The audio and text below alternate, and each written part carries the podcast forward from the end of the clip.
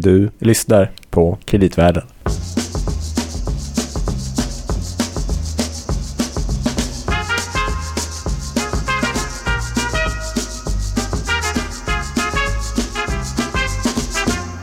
Varmt välkommen till ett nytt avsnitt och det är faktiskt det näst sista för detta år av eh, Kreditvärlden. Oj, oj, oj, det drar ihop sig här. Ja, eh, Louis, Och Gabriel. det stämmer. Ehm, vi har slutat säga efternamn nu, vi är så kärvänliga med er lyssnare. Precis. Det känns väldigt bra.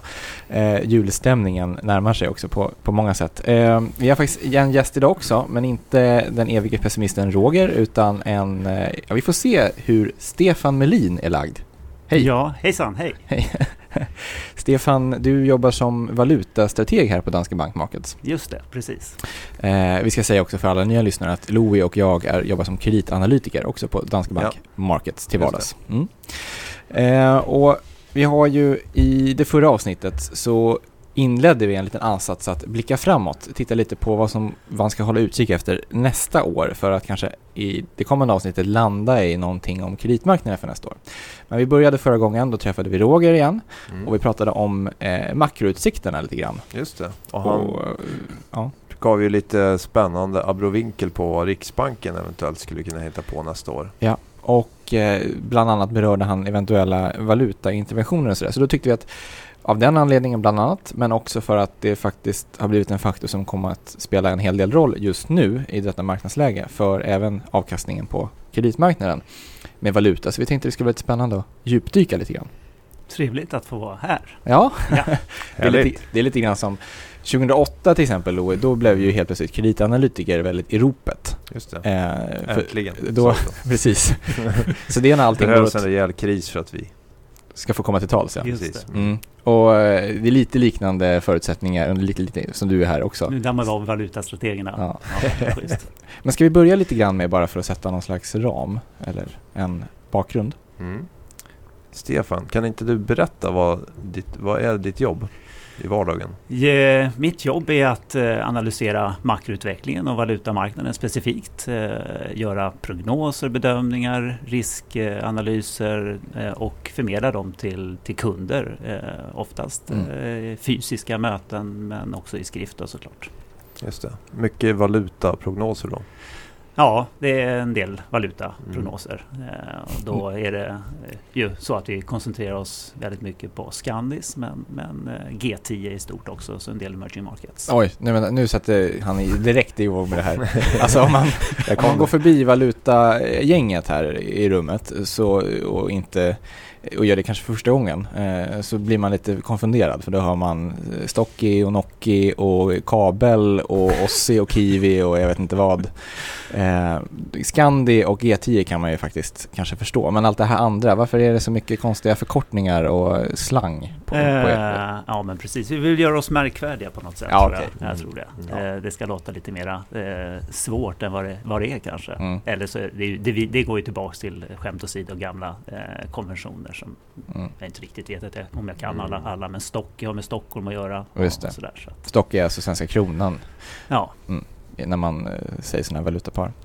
En annan lite intressant grej med valutamarknaden bara är ju att det är väl kanske en av de mest perfekta marknader som finns. Är det inte så? Ja, den handlas eh, 24-7 Mm. eh, i stort sett. Den har väl stängt eh, några timmar under helgen men den handlas ju alltid. Den är väldigt likvid så att det är, Mm. Det är sant. Hur, eh, apropå det, funderar man ju på själv. Hur gör man en valutaprognos? Vilka faktorer är det som man tittar på mest? Precis, nej, men man får ju ofta höra att eh, valutamarknaden är liksom ett, eh, eh ett, en, en, det är en perfekt marknad och, och, och eh, det är väldigt många eh, aktörer inblandade som handlar, den här, eh, de valuta, handlar i valuta, valutamarknaden. Så att, eh, och i den mån det är en perfekt marknad så kan man fråga sig vad kan man eh, tillföra som, som eh, analytiker då. då? Mm. Eh, men faktum är att valutamarknaden är precis som en del andra finansiella marknader väldigt makrodriven. Så att Mm. jag skulle säga att grunden i mitt jobb det är väldigt mycket, mycket makroorienterat. Så att, Mm. det handlar om att göra fundamentala eh, makroanalyser mer långsiktiga eh, som har att göra med eh, länders ja, överskott, underskott, statsfinanser, tillväxtutsikter på lång sikt och sådana Mm. saker. Och sen så mm, handlar det om att eh, liksom följa konjunkturförloppet, eh, tillväxt, inflation, eh, centralbanker. Så att, Just det. För grunden om man tänker sig en valuta i eh, liksom ett lands på något vis betalningsförmåga, att det går ner till produktionen och produktiviteten i det landet. Mm. Eh, och då kan man väl räkna fram någon sorts vad fundamentalt de här kurserna borde vara. Ja. Men sen i praktiken så är de i princip aldrig där. Nej, precis. Där, det får man ju liksom, de här långsiktiga prognoserna som, som man gör får man ju liksom ta med en nypa salt när man Mm. följer, gör liksom sina vanliga prognoser eller eh, eh, bedömningar över det kommande månaderna och året. Utan det är långsiktiga ankare som jag tror man kan, kan hålla sig i. Då. Ungefär som en normal reporänta ligger på 3-4% brukar man säga. Då kanske man kan säga att en normal euro-dollar-kurs eller euro-SEK-kurs ligger på en viss nivå fast Mm. över väldigt lång tid. Och det är liksom över konjunkturcykeln kan man säga. Så Ja, just det. är rätt sällan som man är precis på den här jämviktskursen. Man är ofta i obalans eh, i Mm. den meningen. Är vi långt ifrån eller nära dem nu? Eh, vi är i många fall faktiskt mycket närmare dem än vad vi har varit. Eh, Man tänker sig, på, tänker sig de här rå, råvaruvalutorna. De var ju väldigt övervärderade eh, under, under många år. Eh, och under senare tid, så, Mm. som alla vet, så har de Mm. eh, försvagats och ligger nu närmare sina eh, långsiktiga snitt eller eh, jämviktskurser. Men jag tror många även där säger att de är fortfarande Okej. övervärderade. I takt med att oljepriset har fallit till exempel och järnmalmspriser och guld lika så. Ja, precis. Så har mm, Även så har Aussie-dollar och Kiwi-dollar eh, Mm. gått ner i värde ganska mycket. alltså australiensiska dollarn mot den amerikanska dollarn och den nyzeeländska dollarn mot den amerikanska dollarn. Precis. Nu förstår jag varför man använder de här. Det blir, tar, går mycket fortare att säga Ja. än... det gör det faktiskt. ja, men ska vi komma in lite grann, för det är ju väldigt Mm. intressant just nu vad som händer just med de här eh, råvaruvalutorna eller som också kallas emerging markets-valutorna ibland. För många av de här råvaruexporterande länderna är ju faktiskt också tillväxtländer. Just det. Eh, och vissa av de här har ju fallit väldigt mycket, framförallt på sistone. Om man tittar på, jag tror man tittar på ryska rubeln till exempel, Mm. Så följ, om man bara eh, grafiskt tittar på dem tillsammans med oljepriset så har den ju fallit i princip exakt i tandem med oljepriset. Mm. Mm. Visar på hur mycket, även om ryska marknaden kanske inte är helt beroende av oljepriset så är den det för många internationella investerare i alla fall. Mm. Mm. Absolut. Ja, men, och det är ju samma, norska kronan är också en sån Ja. råvaruvaluta som har tappat mycket, Mm. mycket värde.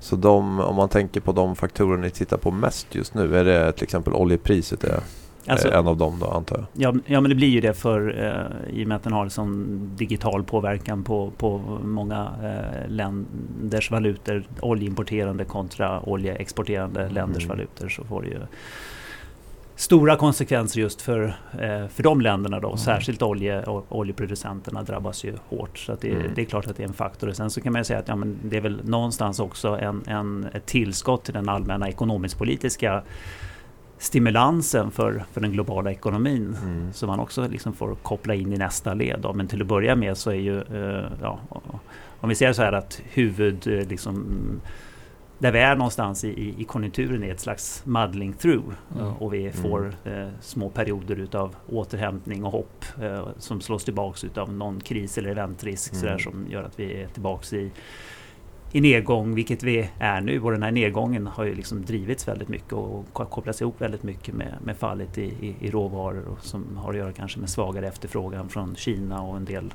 eh, större ekonomier.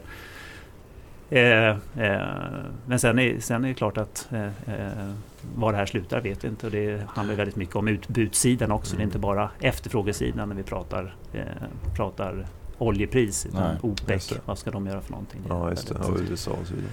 Ja, precis. Och det är det ju framförallt, jag menar, Ryssland är ju extra utsatt för att de har hög marginalkostnad, höga marginalkostnader i sin eh, produktion utav, utav olja. Då, så att, eh, man kan ju spekulera i om OPEC-länderna, eh, Saudiarabien i, i, i spetsen, försöker liksom, eh, röka ut Ja, de det. här hög marginalkostnadsproducenterna. Mm. Och där, i Ryssland är det lite intressant ur ett valutaperspektiv på det att man har ju haft en, någon sorts riktkurs som man har försökt hålla tidigare mot, uh, var det dollar, euron kanske, eller dollarn. Och eh, nu har man ju lite grann släppt den. Och så försöker man styra med att höja sin egen eh, alltså interna räntan i Ryssland.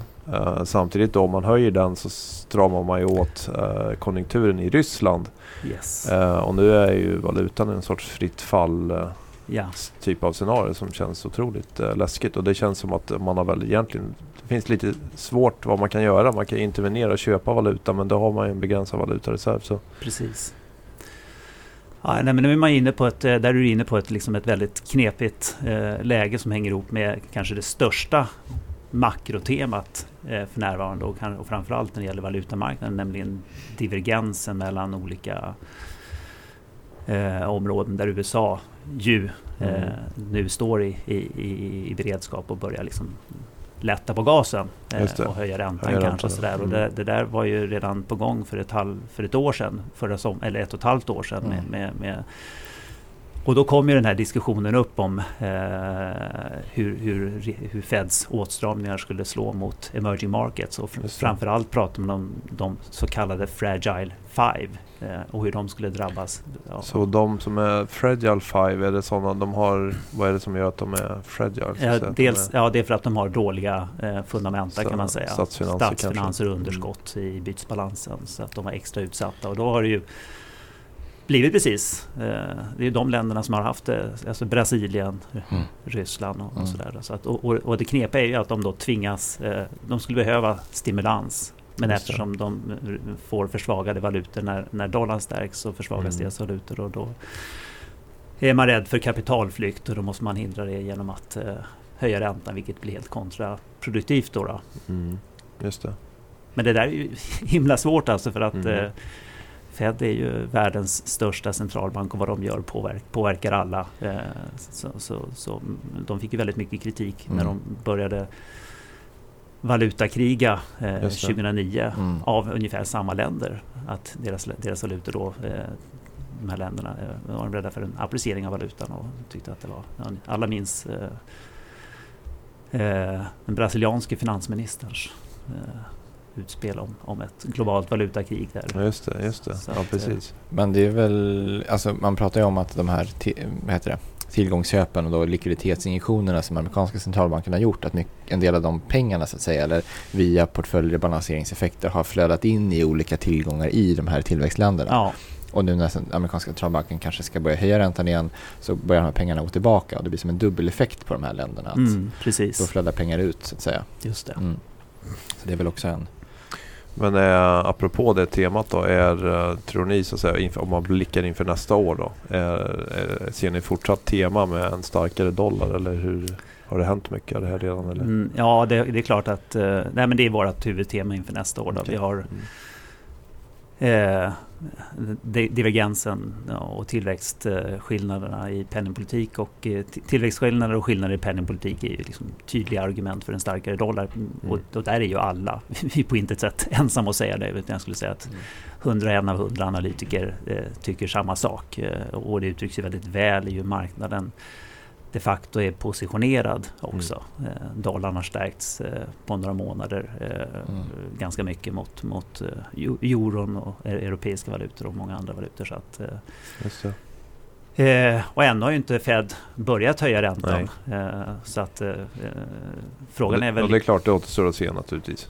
Om ja, det återstår att se. Hur precis. tillväxten går. Men just nu har det varit, sett väldigt starkt ut i och för sig. Då. Ja, det har det. Och, och det är klart att någonstans så, så det, går det väl en, en, gräns för, för hur mycket eh, dollarstyrka USA klarar av. För det har de ju varit mm. inne på själva, Federal Reserve till exempel. att en starkare dollar eh, riskerar att slå mot exporttillväxt och kan hålla tillbaka inflationen. Så att den, den eh, räntehöjningsprofil som de själva skissar på eh, visar att då ska vi ha ungefär 4 procentenheters styrränteskillnad om typ två år eh, mellan USA och, och, och ECB. Mm. Och, och, det är en kraftig skillnad och, och, och eh, frågan är om vi liksom i praktiken kommer att kunna se en sån stor... Och det där är ju väldigt, det får vi komma tillbaka till och prata om i nästa avsnitt, men det är ganska intressant uh, reflektion det där. För att vad vi har sett lite nu på sista tiden är ju en trend att amerikanska företag allt mer har finansierat sig på euromarknaden. För att man ser att man har en lägre faktiskt finansieringskostnad. Mm. Uh, och det här är väl troligt om, som du säger, om det här skulle slå in. Det kanske inte gör. Men då blir det ju väldigt intressant att mm. Eh, se mer och mer på det. Ja, Med tanke på att också Europeiska centralbanken mm, guidar exakt. för lägre räntor under längre tid. Ja, och kanske till och med göra Q, QE då. då så mm, att de ja. finansieringsvalutorna blir ju eh, euron och, och schweizerfrancen istället. Och, mm, och, och, så blir, blir US-dollarn en en placeringsvaluta i högre grad. Och mm, det har ju liksom omvända världen. Omvända världen. Jag menar, gå tillbaka mm. till 2012 när Draghi mm. Eh, höll sitt berömda tal. Liksom, då, då, då låg uh, spanska tioårsräntan, ja ni vet, på, mm. på, på, extremt höga nivåer och nu handlar en spansk tioåring under en amerikansk tioåring. Så att mm. flödesbilden, mm. jag håller med om den, flödesbilden borde ju liksom gynna dollarn. Eh, för varför ska man mm. köpa spanska statspapper när man, när man kan köpa amerikanska till högre avkastning? Om man kan. Mm. Om man kan. Mm. Men det där är ju lite grann Ja. Vi kan ju komma tillbaka till uh, det här med euron lite senare men det skulle vara intressant nu att resonera kring det här med um, den svenska kronan. För vi pratade ju om det i förra avsnittet. Och om man börjar med just det här med uh, lite fundamental värdering och det här långa tidsperspektivet. Då funderar jag på, vad tycker du? Är den är svenska kronan nu, är den över eller undervärderad? Eh, är nu för det kanske? Ja, precis. Nej, men nu skulle jag säga att den är på de här nivåerna är den undervärderad eh, ur ett långsiktigt perspektiv. Okay. Det som vi pratade om tidigare, om man går liksom över en mm. konjunkturcykel. Eh, normal kronkurs är, är, är liksom... Och givet att Sveriges liksom, industristruktur eh, inte förändras och så vidare? Eller? Ja, ja, precis. Jag menar, givet att vi har eh, fortfarande ett stort bytesbalansöverskott. Mm. Vi har haft relativt bra, eh, stark produktivitetsutveckling. Vi har haft låga löneökningar, inflation, relativt låg inflation. Mm. Eh, så att vi är konkurrenskraftiga kan man säga på... på och trots det har den, den har ju försvagats ganska mycket Just på sistone, eller hur? Exakt, och det är ju liksom där, det är det konjunkturella och det är liksom en, en, en helt rimlig och, och liksom befogad rätt, liksom en, en, eh, försvagning som har varit, tycker jag, helt, helt eh, eh, försvarbar eller rimlig. Eh, mm. Den har försvagats för att, eh, för att konjunkturen har, har, har försvagats. Eh, och Riksbanken, och har fört kanske den mest mm. ja, expansiva penningpolitiken bland många centralbanker mm. sista året. Så att det... Alltså i förändringstakten i alla fall. Så att säga. Man har gått Ex från att vara inte så expansiv till väldigt expansiv på. Ja, mm. precis. Alltså man hade en ränta på 1% för ett år sedan, mm. var noll. Eh, mm. Så att det är liksom en dramatisk förändring där. där. Mm. Just det. Så att den har ju drivits av normala eh, såna här, eh, cykliska eh, eh, faktorer, svagare tillväxt i Sverige än vad vi hade trott och, och sådana saker. Så att, och det är ju väldigt eh, viktigt att understryka att det är liksom den typen av förändringar i ekonomin får den typen av förändringar och påverkan på växelkursen. Just det, eh, just det. Så jag skulle säga att den här konjunkturfasen som vi är i nu och den penningpolitiken som vi har sett Riksbanken bedriva mm. motiverar att vi har en relativt svag valuta. Just det. Vi gillar ju att ta lite längre tidsperspektiv här på kreditvärlden och eh, nu pratade vi precis om det här med 0% ränta. Jag tänkte att vi skulle gå tillbaka lite i tiden och lyssna på den här stökiga hösten 1992 när vi hade 500% ränta där för väldigt kort tag och sen strax efter det så gick man ifrån fast till eh, rörlig växelkurs. Mm. Vilket, eh, ja vi kan komma tillbaka till det men vi skulle kunna lyssna på det här klippet och det här Gabriel är väl precis eh, Bengt Dennis när man precis har släppt kronan va? Det är det. Det är en presskonferens. Eh, jag tror att det är från en Rapport då. Eh, och bara för lite bakgrund då så hade man ju, alltså under hela hösten har man jobbat med att, eh, liksom, så att säga, försvara Sveriges ekonomi, bland annat mot valutaspekulanter. Man blocköverskridande överenskommelser om krispaket och så vidare. Mm, men nu men, i alla men fall. Men otillräckliga, ja. tilläggas. Nu är vi här. Men ingenting hjälpte och den 19 november fick Riksbanken kapitulera och den svenska kronan lämnades att flyta fritt vind för våg. Det är naturligtvis eh, ett eh, nederlag för alla. Och jag tror att eh, vi har skapat, i och med att växelkursen inte längre är fast, så har vi skapat nya problem för svensk ekonomi. På mindre än en vecka tömdes nästan hela den svenska valutareserven. 160 miljarder försvann ut ur landet. Det är dubbelt så mycket som under räntekrisen i september. I eftermiddag bedömde vi möjligheten att lyckas som så liten att vi gav upp. Man ska inte av envishet, halsstarrighet eller prestige hålla i längre än som är motiverat. Nu flyter alltså den svenska kronans kurs. Det är inte längre politiker och riksbank som bestämmer dess värde. I praktiken en devalvering. Vilket är ditt skräckscenario för den närmaste framtiden? Att inflationsförväntningarna på nytt blir stora. Att inflationen och kostnadsutvecklingen skenar iväg att därmed produktivitetstillväxten faller tillbaka och därmed slår tillbaka på tillväxt, sysselsättning, inkomster och välfärd. Det är ett skräckscenario som alla som har pratat för rörlig växelkurs ska ta och begrunda ikväll när de lägger sig. 19 november 1992 alltså. Är väldigt fascinerande när man lyssnar nu och tänker tillbaka. För det var just det slående på den hur det var ju otroligt stora problem med den höga inflationen jämt nästan Ja, i ja Sverige. visst precis. Jag menar, vi, vi var ju ett eh, lä- läge med fast växelkurs. Det var helt enkelt inte liksom, hållbart. Vi, vi klarade inte av att Vi bedriva hade inte en, en disciplinen. Vi hade liksom. inte disciplinen helt enkelt. Vi skulle hålla samma inflation som Tyskland men det klarade vi inte, klarade vi inte av. Det är lite roligt att höra Bengt Dennis eh, farhågor här då. För det var väl också en ganska allmänt ut, utbrett Mm. att det här skulle leda till stigande inflation, inflationsförväntningar och sämre produktivitetstillväxt. Det har ju blivit precis tvärtom.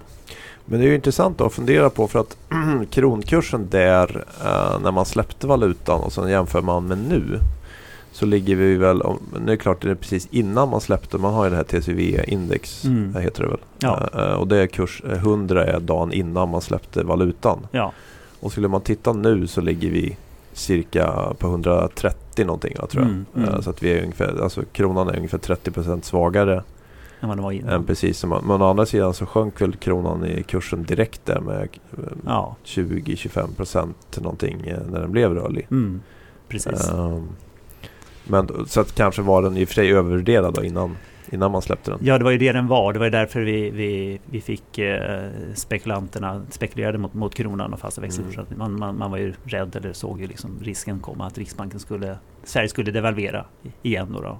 Man såg att Mm. kronan var övervärderad. För även om vi hade liksom den här relativt fasta nominella eh, kursen på kronan så hade vi en, en in- inflationsutveckling som var liksom helt eh, eh, på en helt annan planet än, än vad konkurrentländerna eh, och framförallt Tyskland då eh, eh, hade. Så att det var därför det. som, som kronan var faktiskt övervärderad. Så vi fick en, en, en, en rimlig, en fundamentalt rimlig eh, Mm. försvagning av, av kronan. Eh, Då kan man ju säga att vi ligger ungefär i den här och den idag faktiskt då. Ja, Eller precis. liksom så, ja, och, och då, 25-30 exakt. Ja, och, och, och, och nominellt. Och, vad är det som har hänt realt? Ja, men realt så har ju eh, Sverige då under de här sista 20 åren, eh, precis tvärt emot vad Bengt Dennis då var rädd för skulle hända, Mm.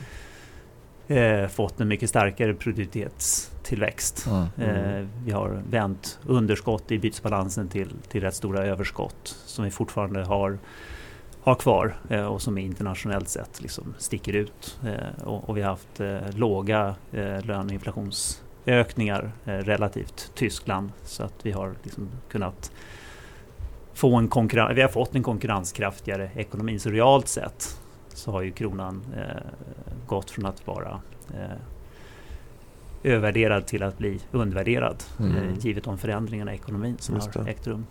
Om vi får koppla tillbaka då till Roger. Eh, så om man, om man tror så att säga att ekonomin har skiftat eh, Mm. och att vi bara inte riktigt har kommit ikapp med det. Då kanske det är dags för en till så att säga konkurrenskraftsdevalvering. Men eh, du håller inte med om det? Ja, du tänker på det här med, med valuta Ja. golv som har diskuterats. Ja, men det är, alltså nu har vi ju ett eh, besvärligt läge för, för Riksbanken. Man har kommit ner till, till nollränta och tvingas kanske då, då eh, fundera över eh, mer okonventionella åtgärder eh, där valutagolv eh, golv eller, eller valutaförsvagning är, är ett sådant Mm. instrument. Då. Eh, och som då möjligtvis skulle kunna ha eh, en påverkan att eh, skulle kunna få upp, få upp inflationen Mm. eh, via importpriserna. Eh, eh, jag tror inte att det är speciellt sannolikt och, och jag skulle säga att liksom, gi- givet just det jag nämnde tidigare att Mm. kronan nu i, läg, i nuläget är, är undervärderad Mm. och har dessutom försvagats med en 15 procent sista, sista året så tror jag är tror jag att det ligger längt, rätt så långt ner i, i den här verktygslådan. Mm. Eh, Det är inte någonting som Riksbanken eh, tror jag funderar på i första läget. Jag tycker heller inte att det är, är någonting man borde fundera på i första, första läget. Mm. Eh, Givet att det här är någon slags konjunkturell eh, försvagning som vi... Ja, man kan ju, till skillnad från, man, man drar ofta parallellerna till Schweiz då, då Mm. som har provat det här med, med Mm, valutagolv. Sverige är ju normalt sett i ett helt annat läge i och med att vi har en eh, så kallad procyklisk valuta. Eh, som går svagare när konjunkturen viker så att Mm. marknaden eller de normala eh, Mm. korrelationerna gör att eh, Det funkar ganska det bra att ha en rörlig valuta för ja, oss egentligen. Jag tror liksom Mm. inte att Riksbanken behöver gå, göra omaket att liksom, Mm. eller behöver, ska, borde inte göra det att, att eh, intervenera ytterligare utan vi har den här eh, valutaförsvagningen med oss i alla fall. Till skillnad från Schweiz som Mm. normalt sett då får en starkare valuta när, Mm. när tiderna blir sämre. Just det. Mm. Så att, Ja, för vi hade ju det som du säger, i finanskrisen så blev det en kraftig försvagning som hjälpte oss Ja. egentligen att få en kickstart på ekonomin egentligen. Ja. Precis, och vi hade ett, ett, undantags, ett undantagsläge i, i 2012 då kronan stärktes mycket när eurokrisen var som, som värst. Mm. Och det är klart att det går inte att utesluta att vi får ett sånt läge igen om euron krisar. Mm. Eh, så. Eh, men först då skulle jag säga kan det vara aktuellt eller tycker var, jag att Riksbanken bör tänka i de banorna. Och det var, vi, väl, det var väl så det var i Schweiz? Det var så man det var hade i- en väldigt övervärderad eh, valuta. Precis, schweizerfrancen hade stärkts på kort tid med 40 procent. Mm. Eh, så det blev ju ohållbart för ekonomin. Eh, Mm. sen, sen så la de ett golv som låg 25 procent under snittnivån. Så de har ju fortfarande, och den nivån ligger ju kursen på fortfarande. Så de har ju fortfarande en övervärderad schweizerfranc på ungefär 25 procent. Mm. Eh, så, så, eh, så, så skillnaderna är ju rätt stora om man jämför Sverige kontra, kontra Schweiz. Då. Ja. Och sedan så kan man ju säga att eh, rent eh, konst... Alltså man kan fundera över om det verkligen är Riksbankens. Riksbankens eh, uppgift Mm. själv att bestämma eh, vad, vad, om vi ska ha ett valutagolv eller inte. Här är man in- inne och tassar på, på Riksbankslagen någonstans Mm. och, och i Sverige så är det ju ri- regeringen som bestämmer valutaregim. Om valutagolv är ett eh, byte av växelkursregim kan man diskutera men jag tycker att det är i, eh, Mm. jag tror att det är i, liksom i, i häradet av att man faktiskt byter regim. Man bestämmer de facto vilken annan valuta man ska knyta kursen till så att det här är liksom ett och, och, och dessutom då så, så, ja, eh, så det är inte uteslutet i och för sig att regeringen skulle kunna gå med på en sån här sak. Men, men just nu så är det liksom oerhört osannolikt Mm. skulle jag säga och, och omotiverat givet att vi har en som sagt en svag krona i utgångsläget som beter sig konjunkturellt sett normalt. Det vill säga försvagas när konjunkturen går ner. Eh, och för att man ska få en stor du märker att jag går igång va? Jaha. ja, precis. Nu får Roger svar på tal här. Nej men, men, nej men alltså eh, sen så, sen så tror jag, tror att liksom, mm, alltså effekten av en växelkursförsvagning är, är, på inflationen är inte sådär värstans stor så att vi behöver nog en ganska kraftig kronförsvagning för att Mm. få en signifikant effekt på, på inflationen och då Mm. pratar vi liksom inte ören utan nu pratar vi om flera kronor om vi skulle Just välja att lägga det mot, mot euron till exempel. Mm. Det känns ju som att diskussionen kommer fortsätta här på kontoret här. Ja det kanske är. När Roger kommer tillbaka på sin semester. Ja. Men det är ju intressant det här med generellt också Mm. rörlig kontra fast växelkurs. Och som du var inne på så verkar det som att rörlig växelkurs har funkat ganska bra för oss. Mm. Kanske var det faktiskt en anledning till att vi lyckades få ner inflationen. Vem vet? Det är svårt att säga i och för sig vad som Mm. gjorde att vi helt plötsligt lyckades ha den här disciplinen. Men om man då tänker på block eller så med fast växelkurs så har vi ju till exempel då euron. Eh, eller i alla fall inom eurozonen Mm. är det ju liksom fasta en växelkurs så att säga för alla. Mm. Ehm, ser du några stora problem med det här? Eller liksom tycker, man pratar ju om det här, vad är ett optimalt valutaområde och så vidare. Mm. Kan man säga att euron är det eller? Nej, det kan man verkligen inte säga. Det, det var en dålig lösning från början skulle jag säga. Eh, Det är inte ett optimalt valutaområde och ett exempel på det, det är ju den danska, som i och för sig inte är med i euro, men som har en fast kurs mot euron. Hur de Mm. under eh, krisen 2009, där någonstans, eh, tvingades höja räntan för att försvara eh, växelkursen, det vill säga fel. Just det. och sen har vi sett att liksom, det har ju inte blivit en konvergens i, i ekonomisk utveckling mellan länderna eh, som, som Och det är väl förespråkarna för det euron man hade. vill, det är väl därför man från början vill ha det. Det Ja. ska vara stabilt och Just det. ekonomierna ska konvergera. Ja, precis. Då krävs ett antal andra saker också för att För att det ska vara på plats. bli så, så och, och i slutändan så kanske det är liksom en gemensam finanspolitisk union som är den enda långsiktiga lösningen för att det ska fungera. I alla fall en väldigt Mm. synkroniserad finanspolitik. Eh, så att eh, det där, det, men nu har de baxat en ända dit. Så att, eh, eller Ja. hit, så att säga. Får se vad är, vad är er syn på euron för nästa år då? Det är nog en utav, ja det är, det är det stora problemområdet i, i, i världen fortfarande. Mm. Även om de kanske då konjunkturellt sett möjligtvis kan liksom repa sig mot slutet av nästa år så, så är det strykvalutan för, för, för nästa år skulle jag säga. Mm. Eh, särskilt om de gör QE, eh, eh, ECB, Just det. så, så, så kommer nog euron att bli... Kan sätta press neråt Ja, på jag tror det. Ja, jag tror det. Det är liksom, alltså, det är flera länder som, nu när USA stramar åt så är det andra länder som, som istället gör motsatsen Mm. och, och Europa är ett sånt och Japan är ett sånt. Så att det är Just de det. ländernas valutor som, som får se svagare. Just det. Starkare dollar, svagare euro. Svagare igen. Svagare igen tror jag, precis. Ja, just så kronan skulle jag säga, är, alltså, som jag sa tidigare, konjunkturellt sett så är vi i ett läge där kronan bör vara svag. Att den kommer fortsätta vara svag. Ja. Eh, Men den, och den är undervärderad, så på sikt så tror jag att den ska stärkas. eh, eh, Men, men här och nu så kommer den nog ligga kvar på rätt, rätt svaga nivåer. Men som sagt, jag tror att Riksbanken avstår från det här med, med, med valuta, valutagolv. Mm. Viss stöd ändå till svensk exportindustri kanske. Just ja, det. just det. Och kanske även eh, framförallt de som exporterar till USA. Men vi kan väl komma in lite grann mer på det, vilka bolag eh, som kan gynnas av Precis. valutaeffekter och annat. Nu har vi fått väldigt mycket bra input här till Verkligen. våran, ska jag säga nästa episod som kommer Mm. att bli kreditutsikterna Mm. 2015. Oj. Vi kalla det för det? Det kan vi göra.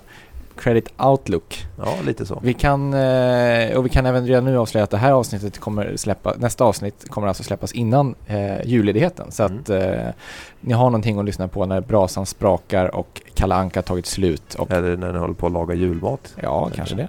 Slår in klappar. Ja, just det. Man kan lyssna på det flera gånger om. Eh, tack så hemskt mycket Stefan för att du kom hit. Tack för att vi kom. Tack. Eh, så eh, hörs vi igen ganska snart då i nästa avsnitt. Mm. Eh, tack för att ni lyssnade den här gången. Eh, Blir det normala eh, avslutningsmusiken idag igen kanske? eller? Det blir det absolut. Och tills nästa gång så om ni undrar något eller har några kommentarer så finns vi som alltid på Twitter på kreditvärlden eller brev att kreditvärlden.se om ni skickar mejl. Ja. Tack! Tack, hej! Hej!